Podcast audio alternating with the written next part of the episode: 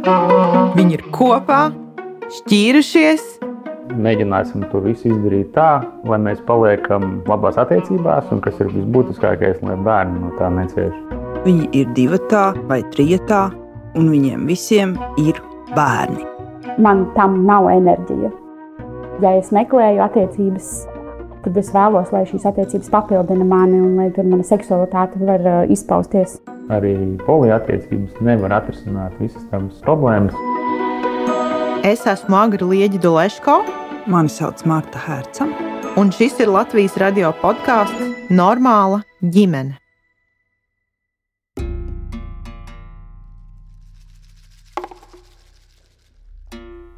Šo sarunu sauc Neviens man sievu neatņēma un tajā piedalās trīs cilvēki - Elīna, Aigars un Artūrs. Elīna šobrīd ir precējusies ar Aigaru, un viņiem ir atvērtas attiecības. Elīnai ar Artūru ir trīs kopīgi bērni, un Artūrs šobrīd ir jau jaunās attiecībās, un viņam ir vēl viens bērns. Arthurs nav atvērtās attiecībās, bet Elīna Aigars un Arthurs ar savu jauno partneri ir vecāki visiem četriem bērniem.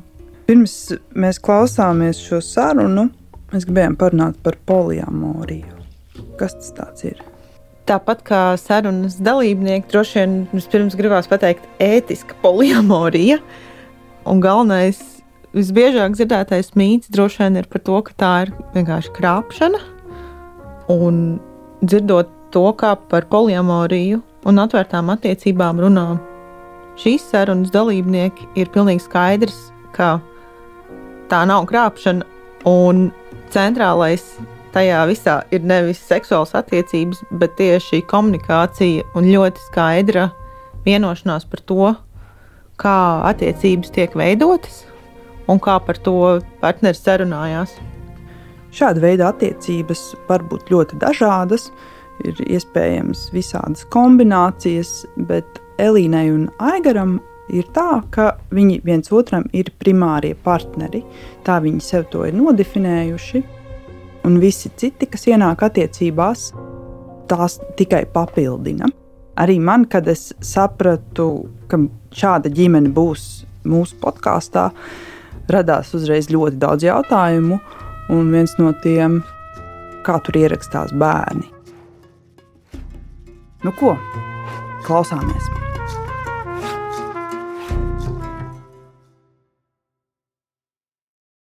Šķiroties, mēs gribējām, lai bērni, lai mūsu šķiršanās nekādā veidā bērnus neietekmē, un lai viņi justos tieši tikpat mīlēti, cik viņi bija, kamēr mēs bijām precējušies. Es domāju, ka mēs izpildījām mūsu vienošanos, jo es atceros, ka tikā mēs bijām kopā, mēs runājām par visu. Un uh, viena no lietām, par ko mēs vienojāmies, ir uh, tas, ka, ja mēs kādreiz šķirsimies, tad uh, mēs mēģināsim to visu izdarīt tā, lai mēs paliekam labās attiecībās, un kas ir visbūtiskākais, lai bērni no tā necieš. Un, uh, es, es nezinu, kā tas tevi ietekmēja, bet uh, tad, kad uh, mēs gājām tam visam procesam cauri, tad uh, nevarētu teikt, ka viņš bija smooth sailing, ka viss bija perfekts un viss bija ideāli. Tur bija arī savas kaut kādas uh, lietas, mirklī, kas uh, sagādāja dažādas. Uh, emocionālas grūtības, ja tā var teikt. Bet uh, tam visam apakšā, vismaz no manas puses, bija tas, ka, ja es esmu teicis, ka es mēģināšu, tad es arī mēģināju no savas puses ieguldīt un panākt to, ka es neesmu tas cilvēks, kādēļ attiecības pēc tam vairāk nestrādā. Tu to stāstu man pilnīgi tā kā emocijas nāk virsū. Tas, um, tā uzticēšanās, kas mums abiem bija, Un tas, kā mēs attiecības veidojam, un tas, kāpēc mēs vispār sākām attiecības veidot, un kāpēc mēs nolēmām apprecēties, bija tieši tas, ka mēs abi satikāmies un sapratām, ka šis ir tas cilvēks, ar ko mēs gribam veidot kopā ģimeni, un ka mēs būsim viens pret otru maksimāli godīgi, un um, ka mēs tiešām būsim partneri attiecībās, ka mēs būsim vienlīdzīgi. Uh, šķiroties, man saplīs uh, expectācijas par to, ko tas vispār nozīmē. Jo viens ir tas, kam tu ej cauri. Nu, kā jūs bijat pāris, jūs šķiraties, jūs tagad katrs esat par sevi. Tas, tas ir smagi, liels notikums, uh, mainās dzīve. Bet um, tas, ko es, iespējams, arī citi cilvēki nesaprot, ka tas ļoti ietekmē attiecības ar blakus esošiem cilvēkiem. Daļa no viņiem ieņem kaut kādu pozīciju, jo viņi nu, balstās uz kaut kādu savu pieredzi.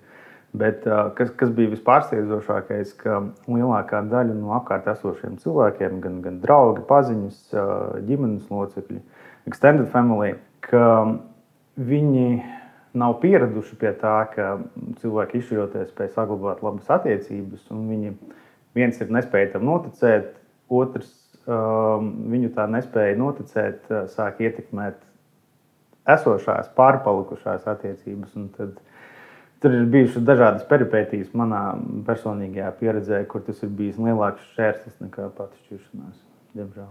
Tad, kad tu šķiries, tad no vienas puses tur ir jauna sākums, un tāpat laikā tev ir tā visas tās expectācijas, viss tas, ko mēs esam būvējuši tos desmit gadus, ko kopā bijām, un viss tas, ko mēs veidojām, ka mums sanāca no pilnīgas nulles abiem sākt. Un nebija tā, ka viens palika ar kaut ko, vai otrs ar kaut ko, bet mēs abi sākām no pilnīgas nulles veidot divas atsevišķas dzīves. Bija tik forši tas, ka man bija tu, kurš varēja mani atbalstīt, un es centos atbalstīt tevi. Un, protams, forši, ka mums bija arī Aigars, kurš arī īstenībā mūs abas atbalstīja šajā procesā.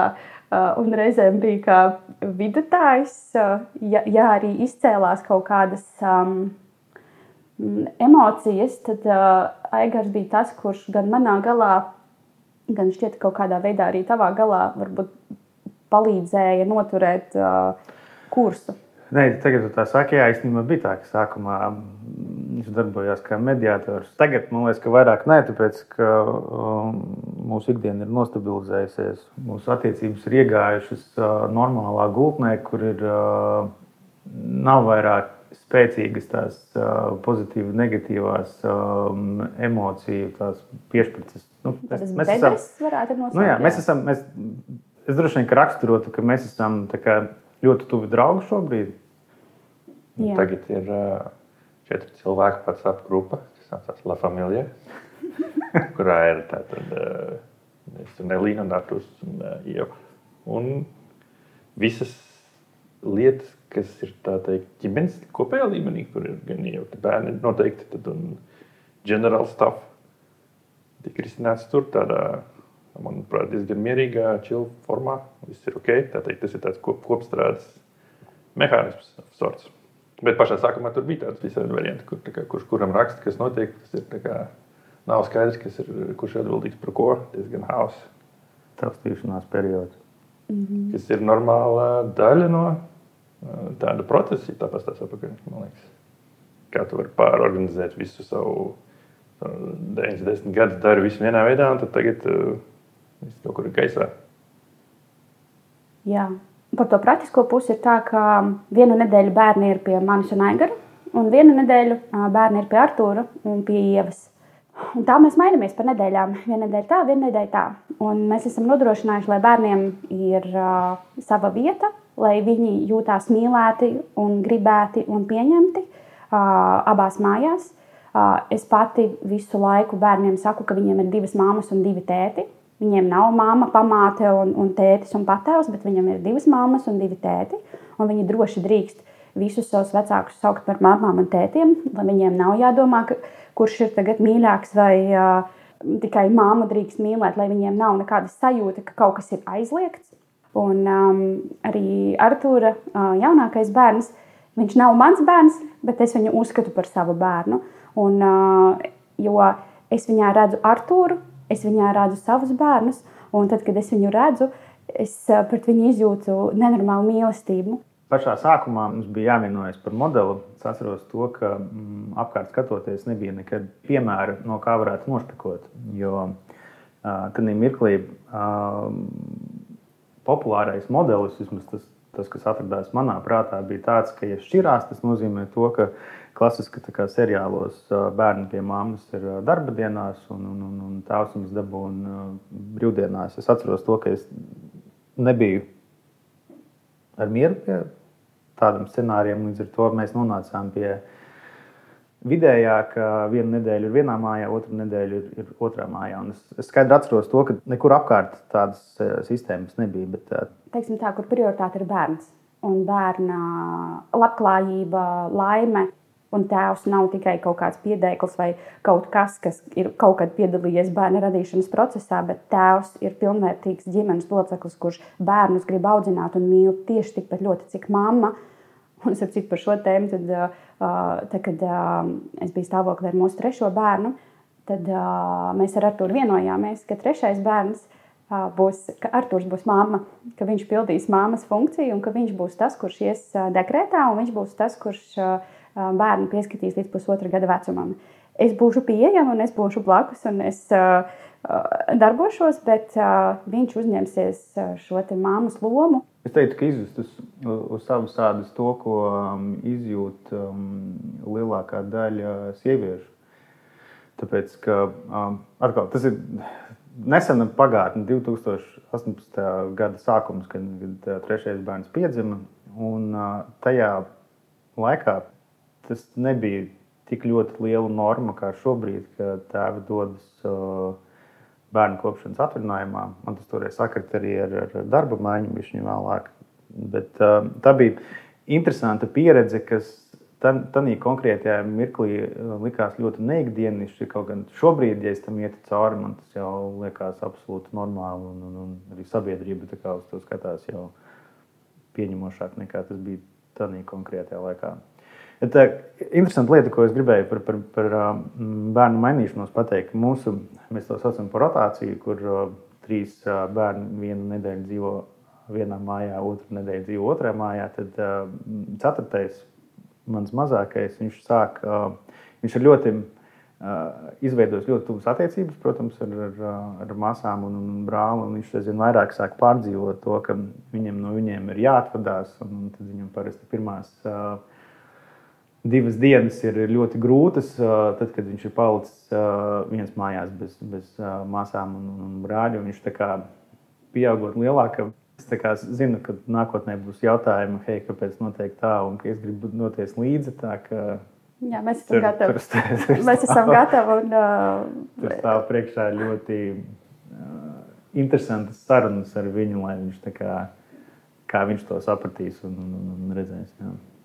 Es domāju, ka vispār ir interesanti tādā ziņā, ka, ja padomā par visu astoņu cilvēku kopu kā ģimeni, ka te ir daudz dažādu skatu punktu, piemēram, Elīna un Arthurs pārgāja no situācijas, kur viņiem bērni ir 24, 7, to, ka viņi bērnus redz mazāk. Es atnācu situācijā, kur man nav vispār nav bērnu. Tad tagad bērnus, tā kā pusi no laika ir bērni, tad ir bērni.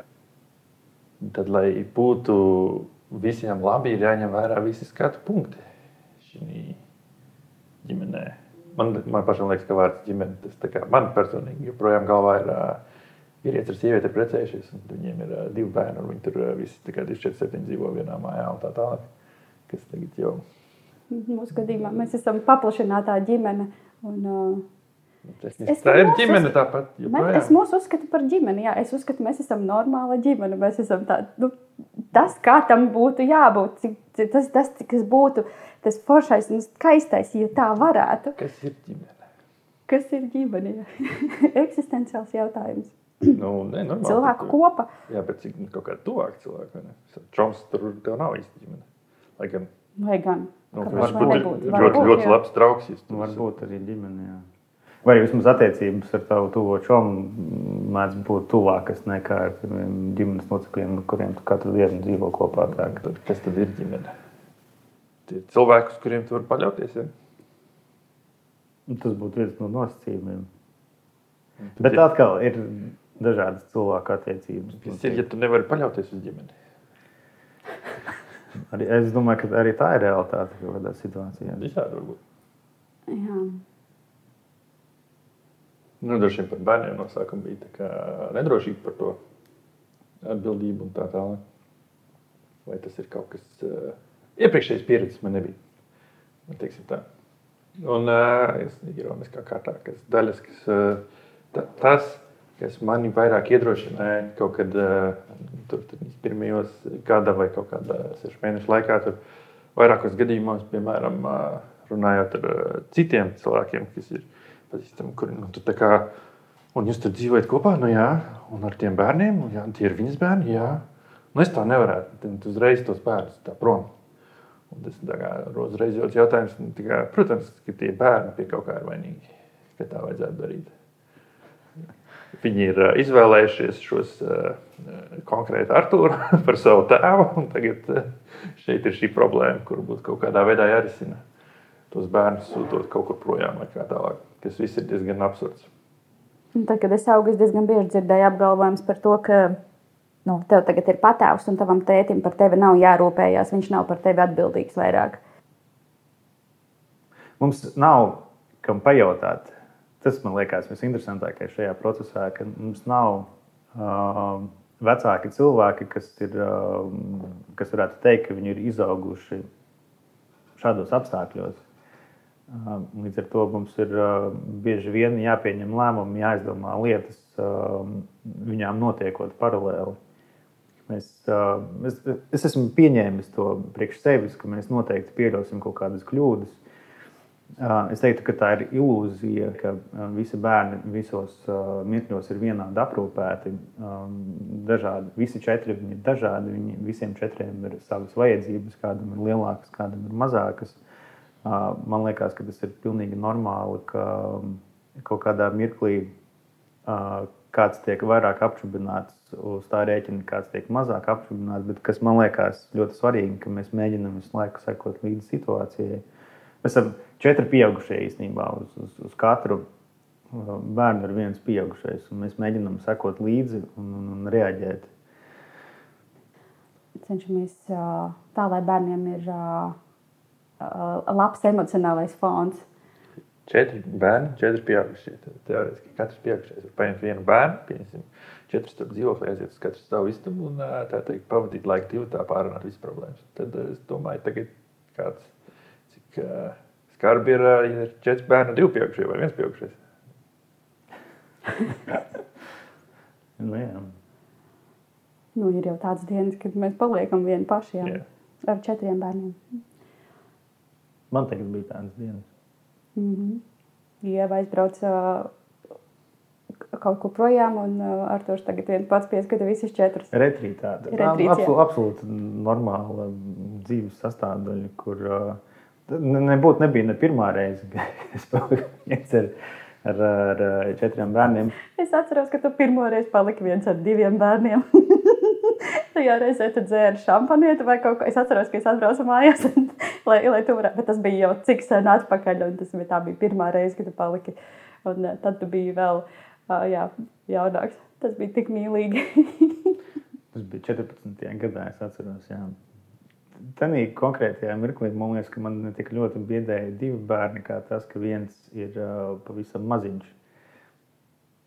Jā, tā kā mēs ar Artūru nolēmām Un, kad mēs vēl domājām, vai mēs šķiramies vai nē, mēs tajā brīdī izlēmām atvērt mūsu attiecības, lai paskatītos, kas pamainās mūsu attiecībās. Mēs tā nodzīvojām pāris mēnešus, tikāmies arī ar citiem cilvēkiem.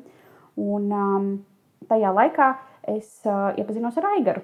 Un tad, kad es ar Aigaru aizgāju uz randiņu, viņam pirmajā randiņā teicu, ka es esmu precējusies, man ir trīs bērni, es vīru nemeklēju, uh, es esmu cilvēks, kuram patīk brīvas attiecības, un es to savā dzīvē nekad nemainīšu. Es nekad nebūšu monogāma.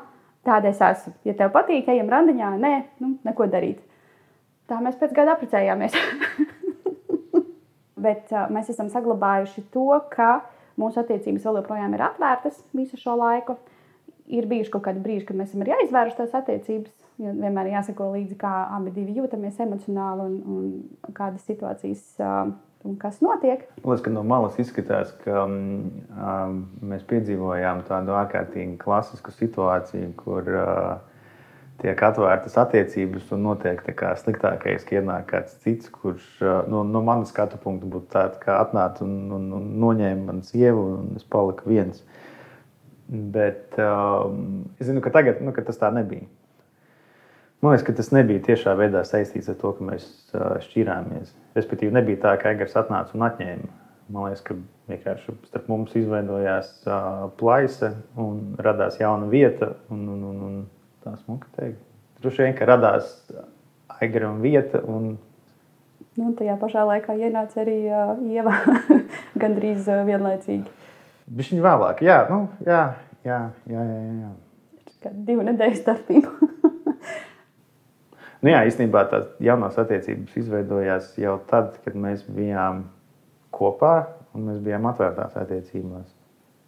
Un mēs jau tajā tad, brīdī tad bija... diskutējām par to, ka mēs varētu tā kā šķirties, bet mēs bijām nolēmuši, ka varbūt padzīvosim kopā vēl kādu laiku un paturpināsim atvērtās attiecības. Mēs centāmies meklēt kaut kādus risinājumus. Mēs gadu vai vairāk gājām uz pāru terapiju, bet, cik es atceros, pēdējie divi gadi mūsu laulībā bija tādi, ka es ļoti bieži raudāju. Es biju emocionāli kā, bedrē ļoti daudz, dažādu apstākļu dēļ. Un, um, mēs nevarējām atrast uh, risinājumu tām manām sajūtām un to, kā mūsu attiecības tajā brīdī gāja. Lai arī mums vēl joprojām bija uh, cieņa, un, un, un respekts un mīlestība vienam pret otru, mēs bijām labākie draugi. Vienkārši bija kaut kādas emocijas, ar kurām mēs, es nevarēju tikt galā. Kāpēc mēs izšķīrāmies? Kāpēc mēs izšķīrāmies? To man daudz cilvēku prasa, kāpēc mēs izšķīrāmies. Es vairs neatceros, kāpēc tieši. Visi tie strīdi, kas bija tolaik, viņi sākās no vietas, kur um, tev kā cilvēkam vajadzēja lielāka brīvība nekā es kā partneris tev spēju viņu sniegt. Joprojām ir savas uh, expectācijas pret uh, partneri, ar kuru tu esi kopā, savs tas, uh, veids, kā tu vēlēsies veidot attiecības, un, un, un man viņš ir citādāks. Es esmu mazāk, mazāk brīvs, es esmu citādāk domājošs cilvēks. Un, es nevēlos dzīvot atvērtās attiecībās. Tu esi citādāk brīvs. Citādāk brīvs, jā. Un man liekas, ka šīs te mm, lietas,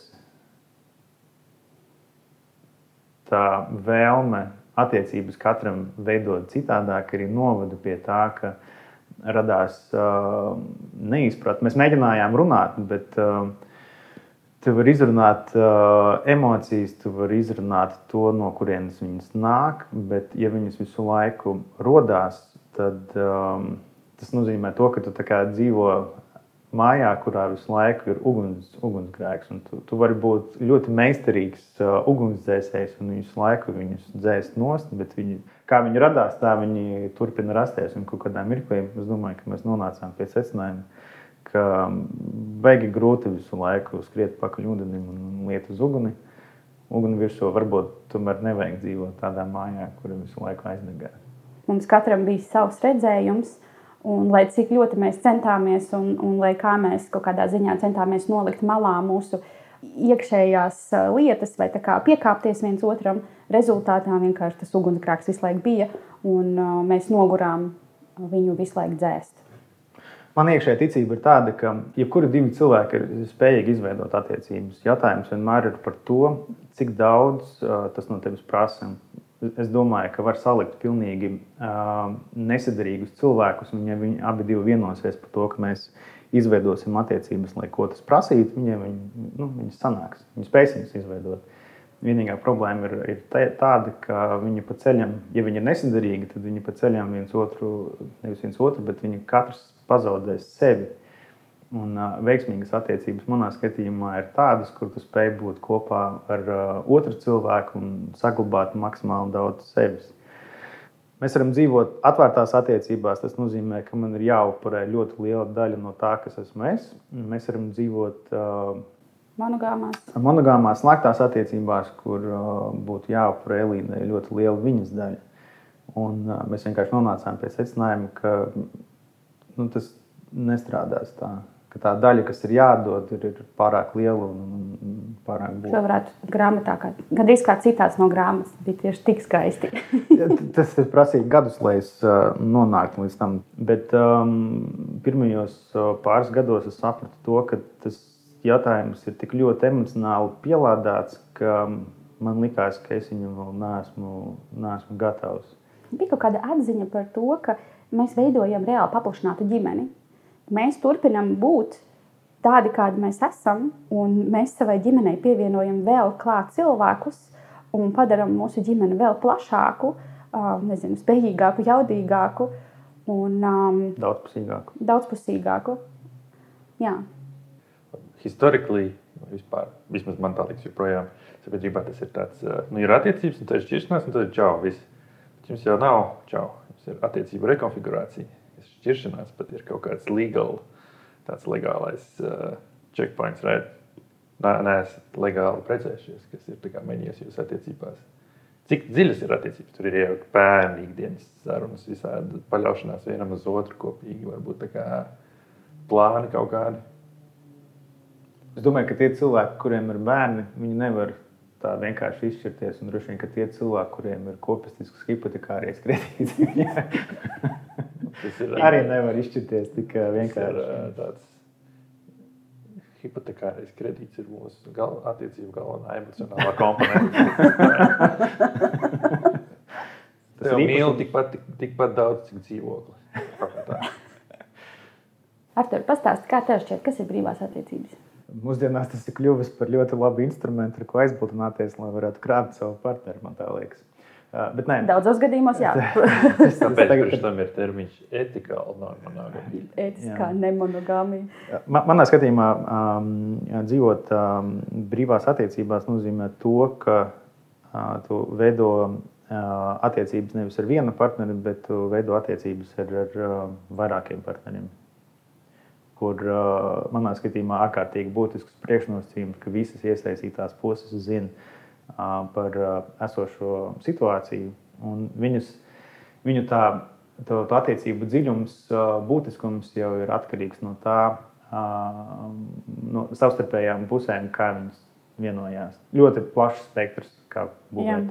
Taisnība, jo poliamorija, nu, tīrā poliamorija nozīmē daudz mīlestības. Tas nozīmē to, ka uh, attiecībās var būt vairāki cilvēki, un visi pret viens pret otru just vai, vai uh, nu, just spēcīgas mīlestības jūtas. Tas nav tā, ka tikai vienkārši kāds cilvēks ir kā trešais, vai tas tur nav runa par to, ka mums ir seksa trietā, vai nav runa par kaut kādām nezinu, attiecībām kaut kur, kaut kā, bet tā tiešām var būt cieņpilna mīlestība pret visiem iesaistītajiem. Bet mūsdienās ir tā, ka šis termins viņš. Um, Tur var būt vienkārši atvērtas attiecības, tur var būt uh, nezinu, svingošana, tur var būt nu, tik daudz iekšā. Uh, mūsu gadījumā mums ir arī tā, ka mums, mums šis termins uh, nepārtraukti mainās nozīme viņam. Varbūt uh, tā, ka mēs kādu laiku tiekamies ar kādu cilvēku, abi divi kopā, uh, Varbūt tā, ka katrs atsevišķi tiekamies ar kādu cilvēku, tur var būt mīlestība, tas var būt tikai romantisks jūtas, tas var būt uz mēnesi, tas var būt uz pusgadu, tas var būt vienkārši aiziet uz vienu randiņu un tālāk nekas nesako. Varbūt arī brīdis, kad mēs vienkārši aizveram ciet mūsu attiecības un dzīvojam kā monogāmas pāris, piemēram, uz gadu vai pusgadu, un pēc tam atkal, ja ir enerģija un vēlme un ir sajūta, ka gribās savu šo enerģiju kaut kur paplašināt un piepildīt, tad mēs varam atkal aiziet uz kādu randiņu. Tad, kad mēs bijām kopā un dzīvojam atvērtās attiecībās, es priekš sevis sapratu to, ka uh, mana iekšējā sajūta ir tāda, ka, ja es veidoju attiecības ar vairākām sievietēm, ka es sevi skaldu daļās. Uh, un, uh, man, man tas bija ļoti grūti. Es, es saprotu teorētiski, kā tas strādā. Es, uh, centos ievērot uh, visus pamatprincipus to, ka iesaistītās puses vienmēr zina patieso situāciju. Es tā arī teicu, ka, ja es um, gāju uz randiņiem, ka es esmu precējies, man ir bērni, tad tas, kā, kādu to pretreakciju es saņēmu pirms pieciem gadiem, kad šis termins nebija populārs, tas ir cits stāsts. Bet, uh, bet jā, um, tādā konkrētajā mirklī, tad, kad tas, tas viens rādiņš pārvēršas par, par otru, trešo, ceturto. Un tad, kad paralēli sāk veidoties vairākas attiecības, man likās, ka es dalos, jo attiecības paliek nopietnākas, jo plaisas starp manām daļām paliek aizvien lielāka. Jo man, esot attiecībās, es mēģinu otram cilvēkam atdot ļoti lielu um, sevis daļu, es mēģinu rūpēties, mēģinu sakot līdzi, es mēģinu uh, ieguldīt sevi. Un sapratu to, ka ja man ir uh, jāiegulda trīs cilvēkos ļoti liela sevis daļa, ka man bija sajūta, ka man ir plēš kopā. Un es sapratu to, ka es tā dzīvot es nevaru. Un es instinktīvi vienmēr vienas attiecības man palika primārākas par pārējām. Un uz tā rēķina manā skatījumā tās pārējās sāka ciest. Es teiktu, ka būtu jābūt tieši tā, ka mm, tad, ja veido attiecības, tad veido tikai tās attiecības, kurās um, viņas dod klāt enerģiju. Nevis, ir sajūta, ka tu tā kā dalies, bet ka, mm, ja tev ir sajūta, ka tu esot uh, ar to cilvēku kopā, ka tur tieši tev tiek iedota papildus enerģija, tā ir kā tu uzlādējies no tā um, lai nav sajūta, ka tev ir. Jo, ja, piemēram, uh, es aizēju uz randiņu ar kādu un es jūtu, ka šīs attiecības varētu veidoties tā, ka enerģija tik, tiks no manis ņemta un es neiedošu pretī enerģiju, tad uh, šobrīd es jau zinu laicīgi, ka es vienkārši pasaku, nē, piedod, bet es uh, nevēlos um, šādas attiecības veidot, jo vienkārši es man tam nav enerģija. Un, ja es meklēju attiecības, tad es vēlos, lai viņas man iedod enerģiju un papildina mani, un lai tur mana seksualitāte var izpausties. Un, jā, ka beigās es jūtos piepildīta. Kādā brīdī tas attiecas kādu cilvēku, un to, to cilvēku kā, nu, ir rītīgi labi, un tad jūs turpināt tikties. Vai ir, kāda ir iespēja, ka šis cilvēks atrisina pilnīgi visas tavas problēmas? Kā tagad ir tas? Uh, uzskats, ka eh, nu, re, šo vienu uh, savu poliamoriju pat ir tevis primary partneri? Viņš tad ir viss, kas, uh, ko es iepriekš, kad es meklēju, tad 6 mēneši, 3 mēneši, nedēļas, 2 nedēļu attiecībās, visos iespējamos cilvēkos un variantos, kurus es jebkad esmu saticis. Kāds cilvēks, viss tas ir vienā cilvēkā. Nu, droši vien, ka tā nav. Tur ir kaut kādas tādas svarīgākas lietas. Un tad tev ir arī mazsvarīgākas lietas. Un kāpēc neiet turpināt, netikties ar kādu trīs mēnešus, vienu nedēļu, divas nedēļas, sešas mēnešus vai kā, lai ieraudzītu par sevi kaut ko jaunu. Lai arī, ja tev ir tas ilgtermiņa attiecības. Tam man uzreiz nāk prātā, tad principā baltā zirgā, ja tad, kad uh, mēs esam jauni. Uh, it īpaši izteikti sievietēm tas ir, mēs uh, savu 11, 19, 20 gadu vecumā um, sapņojam un fantāzējam par to, ka tā satiksim šo savu vienu vienīgo. Un tad šis cilvēks būs tas mūsu princis, Baltā zirgā, un uz visu mūžu mēs ar viņu būsim kopā. Un, uh, tur nāk šī fantāzija, kas ir kaut kādā ziņā bērnišķīga par to, ka šis cilvēks iedos man visas šīs daļas simtprocentīgi. Viņš būs tas perfektais puzles gabaliņš manam puzles gabaliņam, un tā mēs tagad visu mūžu nodzīvosim. Un, uh, tik līdz mēs apprecēsimies, strīdu nebūs, viss būs perfekti, uh, būs bērni un viss būs perfekti. Nekad nešķirsieties. Un nekad, un, un nekad uh, man negribēsies, es neskatīšos uz citiem vīriešiem, un citi vīrieši nestīsies uz mani, un mans partneris nestīsies uz citām sievietēm. Viņš visu mūžu gribēs tikai mani. un uh, viss būs perfekti. Un, uh, tad, kad mēs satiekam šo partneri un kādu laiku padzīvojam kopā, uh, mēs sākam saprast to, ka pasaule strādā nedaudz citādāk, un tad ir tāda tā vilšanās. Tevis pašas problēmas jau nekur nepazuda. Vai nav tādā ziņā interesanti, ka lūk, tev ir kaut kur ārā pasaulē eksistē šis cilvēks, kurš atbilstīs šiem, šiem uh, kritērijiem. Un tad tev nepasaka, kā es varu zināt, kādi tieši ir mani kritēriji. Man ir jāiet un jāsatiekās ar daudziem dažādiem citiem cilvēkiem, lai pilnībā skaidrotu, ka, teiksim, ja viņš ir tāds un šī tāds, tad tas nav mans kriterijs. Tad to man toši nevajag. Man, manā skatījumā šis sadalījums jau parāda to, ka attiecības, lai arī kādas viņas būtu, arī poliattiecības, nevar atrisināt visas tavas uh, problēmas. Tāpēc, ka um, tas uh, cilvēks, ar kuru tu esi kopā, viņš redz ļoti milzīgu tevis daļu, bet ne visu. Vēl es gribēju pateikt to, ka um, tad, kad es eju uz randiņiem, kas ir šausmīgi reti no nu šobrīd, nezinu, varbūt labi reizi gadā. Vai... Mainās. mainās, visu laiku mainās. Uh, tad, kad nav enerģijas, un tad, kad ir uh, ļoti, ļoti daudz, viss kaut kas jādara, tad nu, nav ne enerģijas, ne laika. Bet tad, kad ir, tad um, tas, ko es daru, ejot uz randiņiem, es spoguļojos uh, cilvēkos. Spoguļošanās nozīmē to, ka es iepazīstu sevi labāk. Es iepazīstos ar cilvēkiem un es ieraugu sevi. Es, kā Eigars pirms tam par kritērijiem runāja, ka es vienkārši atrodu tos kritērijus, kas ir tas, kas man dara, kas man nedara, un tādā veidā es iepazīstu sevi. Un tas ir tas, kas man sagādā tādu patiesu prieku. Pat ja eksistē tāds princis baltā zirgā, kurš tev ideāli dara, tas nenozīmē, ka viņam deri tu. Tas ir vēl viens aspekts, jā, kuram mēs nepieskārāmies, ka tev ir jābūt arī tam princim Baltijā zirgā otrā virzienā. Nu, numur viens ir tas, ka cilvēki domā, ka tad jau mēs to vien darām, kā visu laiku ejam uz randiņiem, un, ir, un cilvēkiem ļoti bieži liekas, ka tas viss ir tikai par seksu. Bet uh, saistībā ar, ar, ar greizsirdību uh, ļoti neganta sajūta, ārkārtīgi neganta sajūta. Ceļ ārā visas savas nedrošības par sevi.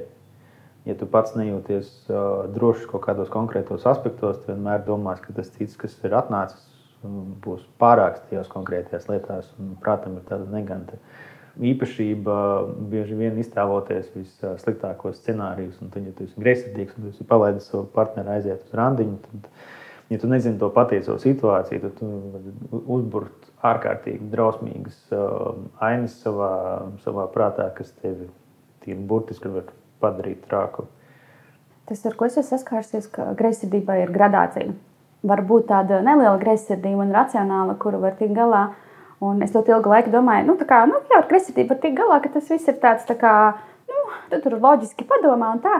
Līdz vienam brīdim, kad es saskāros ar situāciju, kur Eigars gāja uz randiņa meiteni, kur man pēkšņi norāva greizsirdība, kas bija pilnīgi neracionāla. Nu, tā, ka es nevarēju sevi kontrolēt, es biju tik greizsirdīga, ka man bija sajūta, es varēju grīdas gulēt un raudāt, un, un es nespēju ar sevi tikt galā, un es nesapratu, kas tas ir.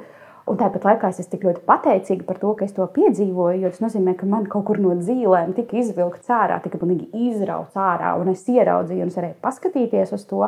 Un pēc tam man bija iespēja ar to strādāt. Es varēju iet uz terapiju vai coaching, vienalga. Es varēju risināt, un es vēl joprojām par šo lietu domāju. Un tagad mans secinājums ir, es esmu pateicīga par to, ka man ir šīs atvērtās attiecības, jo es varu ieraudzīt sevi. Es varu ieraudzīt, ja mans vīrs iet uz randiņu ar kādu sievieti, es, un ja es sajūtos greizsirdīgi, tas man ir signāls par to, ka, hei, šodien kaut kas nav kārtībā. Te man vajadzētu pievērsties, man vajadzētu padomāt, kāpēc, kāpēc es šeit sajūtos kaut kādā veidā nepilnvērtīgi, vai kāpēc man liekas, ka uh, es varu kā, kaut ko zaudēt. Es saistībā ar greizsirdību mūsu aspektā vēl ir tas, ka uh, divas mammas un divi tēti. Uh, es atceros, pašā sākumā man bija interesanta sajūta, tā varētu to nosaukt, uh, par to, ka es esmu tēvs saviem bērniem vienu nedēļu, un tad Daigars ir tēvs maniem bērniem otru nedēļu. Un uh, man šo paradigmu mainīja smieklīgā kārtā mūteni. Panda saprata, ka ir, viņam ir patāvs, un tad parādījās īstais tēvs. Un, un tas patāvs bija ļoti greizsirdīgs par to, ka viņš tagad pazaudēs savu bērnu, ko viņš ir audzinājis visu, visu mūžu, un tad viņš izgāja cauri veselam ciklam. Un viņa atziņa, man liekas, ir ārkārtīgi būtiska par to, ka tas nav vairāk jautājums par viņu, tas ir jautājums par, par bērniem. Un tad es uh, savu prātu pārstādīju uz to, ka tas nav, ja skatos no bērnu skatu punkta, tad uh, tas nav tā, ka es uh, kaut ko zaudēju, uh, ielaižot uh, aigaru šajā lomā. Tas ir vairāk par to, ka mans bērns uh, iegūst. Viņš iegūst jaunu cilvēku, viņš iegūst jaunu skatījumu, un uh, viņa dzīve paliek uh, bagātāka. Jā, tas kaut kādā veidā saistīts ar to, ka nu, otrs cilvēks nav tavs īpašums. Tas nav kaut kas tāds, kas tev pienākās. Tas nav kaut kas tāds, kas ir tavs, bet gan otrs cilvēks ir pats par sevi. Tas ir tik skaisti, ja mēs varam dzīvot tādās attiecībās, kur notiek šī enerģijas apmaiņa, kur nevis mēs viens pie otra esam pieķērušies un pieķērušies klāt un baidamies zaudēt, bet jūtamies brīvi un droši gan par sevi, gan par savu partneri. Tā kā es esmu gan precējusies, gan šķīrusies, gan atkal precējusies, tad vai es būšu ar Aigaru kopā visu mūžu, tas nav zināms. Ak, nē, Ak, nē. Bet, attiecīgi, um, es zinu, ka uz pasaules ir ļoti daudz cilvēku, kas ir piemēroti mums visiem. Un nav tā, ka ir tikai viens vienīgais princis Baltā zirgā, kurš tagad nāks un mani glābs. Es esmu attiecībās ar Elīnu, nevis ar ilūziju par to, kā viņa atrisinās manas problēmas cik uh, gudri.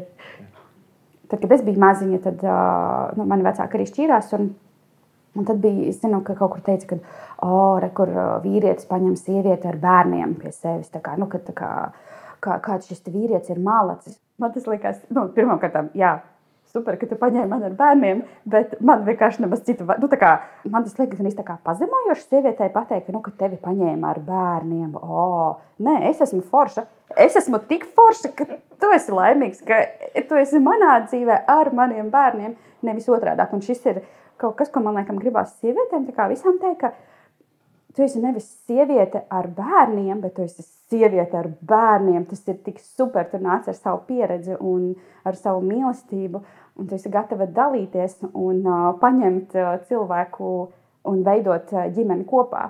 Tas bija kaut kāds tāds mans pārdoms.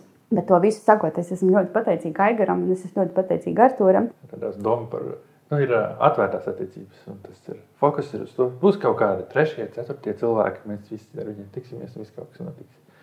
Tad ir uh, monogāmas attiecības. Mēs ar tiem trešajiem, ceturtajiem cilvēkiem negulēsim. Kā savas attiecības, kurās fokus ir uz to, ka mēs savā starpā komunicēsim un viens otru atbalstīsim? Jā, tas ir filozofiski jautājumi. Partnerattiecības. Partnerattiecības. Partnerattiecības.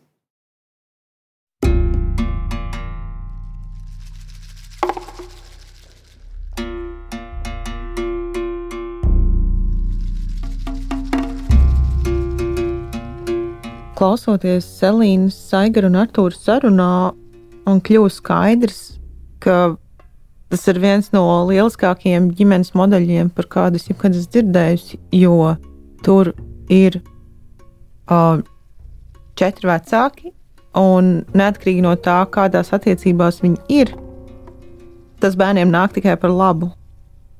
Un droši vien primārā emocija man bija greizsirdība par to, ka ir tik daudz palīdzīgu roku, ir tik daudz vecāku, kuri var kā, viens otram nodot stafeti un pamanīt, ka kādam vajag brīvu brīdi, atpūtu, vai katrs pāris otram var iedot iespēju aizbraukt atvaļinājumā, divatā. Un tās ir visas lietas, kuras kritiski pietrūkst pat tiem vecākiem, kuri divi tā ļoti godīgi cenšas dalīt visus aprūpas pienākumus, jo divi vienkārši ir par maz. Un arī man bija šī ilūzija, ka kamēr vien man ir brīnišķīgs partneris, kurš ir gatavs darīt līdzvērtīgu darbu, mums viss būs ok. es esmu dzirdējusi no vairākiem pāriem, kas ir šķiršies, ka tas ir ļoti forši, jo pēkšņi, tad, kad bērni ir pie otra partnera, tev parādās brīvs laiks, ko tu vari pavadīt viens vai ar savu jauno partneri. Un eh, mums bija ļoti līdzīgi. Mēs arī ļoti izbaudījām tās dienas, kad bērni ir pie tēta. Bet es klausoties šo sarunu, domāju par to, ka ir forši, kā bijušie partneri joprojām ir ļoti iesaistīti tavā dzīvēm un jums ir draudzīgas attiecības, bet eh, es zinu, ka ir situācijas, kurās tu izšķiries tāpēc, ka tu nevēlies vairs šo cilvēku savā dzīvē. Un arī tas ir ok, ka jūs samazināt eh, komunikāciju līdz minimumam, jo tāda arī ir Latvijas realitāte. Partneri mēdz būt vardarbīgi, tā ir emocionāli nepatīkama pieredze. Un uh, tādos gadījumos tev sevi ir jāpasargā. Tad droši vien drošāk vienkārši būt polijamorās attiecībās. Bet kā ar greizsirdību? Vai tu varētu būt atvērtās attiecībās? Mm, es esmu dzirdējis tādu teoriju, ka greizsirdīgi parasti ir tie partneri, uh, kuri ir mazāk pārliecināti par sevi. Un, jā, es domāju, ka mūsu attiecībās ir tā, ka es esmu ma mazliet vairāk greizsirdīga, bet ar gadiem tā pārliecība aug par mūsu attiecībām, un tādu epizodu ir arvien mazāk. Es teicu, ka vispār nav pēdējos gadus. Bet par atvērtām attiecībām arī tāda diskusija mums ir bijusi, jo mēs esam desmit gadus kopā. Un, uh, ir bijušas situācijas, kad mums iepatīks kāds cilvēks, bet līdz šim uh, tas ir bijis tā, ka mums abām iepatīks kāda sieviete, ko mēs esam satikuši kādā tusiņā, un tad mums abām ir tā saucamais krašs vai uh, pieķeršanās, un tad mēs abas kopā pārunājam, kas, kas mums viņā patīk. Un, Jā, šobrīd mums ir tā, ka mēs to pārdzīvojam kopā, un tas ir mūsu kaut kāds kopīgs piedzīvojums.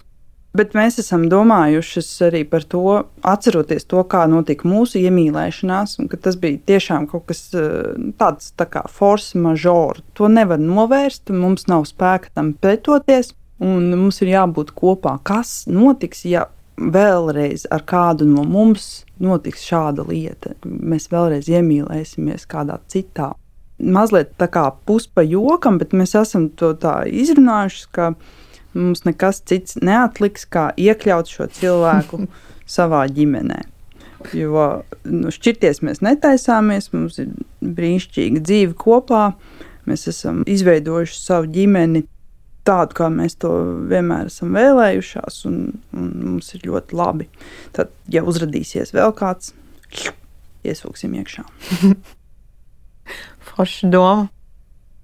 Es klausoties um, Elīna Zaigara un Artūra sarunu domāju par to, cik ļoti patiesībā apbrīnoju cilvēkus, kuri tiešām strādā ar savām greizsirdības jūtām un nevis izjūtot greizsirdību, uzreiz cenšas otru partneri apturēt, bet vairāk pievēršās sev un analizē sevi un cenšas tam tikt pāri.